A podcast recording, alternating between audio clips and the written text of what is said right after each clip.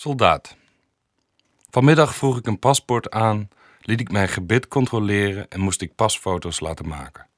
De dame die de pasfoto maakte wilde mijn oren zien en zei: Ik weet dat het moeilijk is, maar je mag wel lachen hoor. Maak ook je lippen maar even lekker nat alsof er leven in zit. De tandarts maakte een röntgenfoto van mijn kiezen en zei nadien: Jammer, weer geen gaatjes, maar wanneer stop je met roken?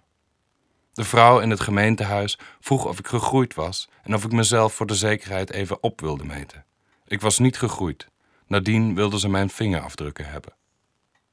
In zo'n twee uur tijd gaf ik meer bewijsmateriaal weg dan me lief was. De mogelijkheden om te verdwijnen of je leven te verzinnen zag ik slinken.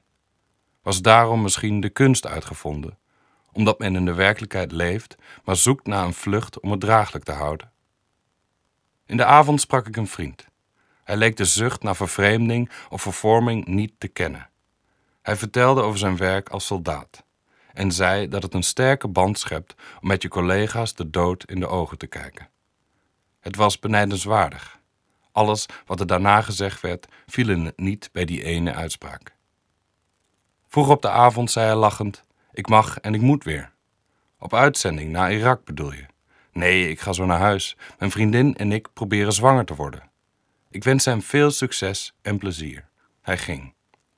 Als je op je werk soms de dood in de ogen kijkt en thuis probeert het leven voor te zetten door een kindje te maken, lijkt er geen plek of tijd voor vervreemding te hoeven zijn. Het was jaloersmakend.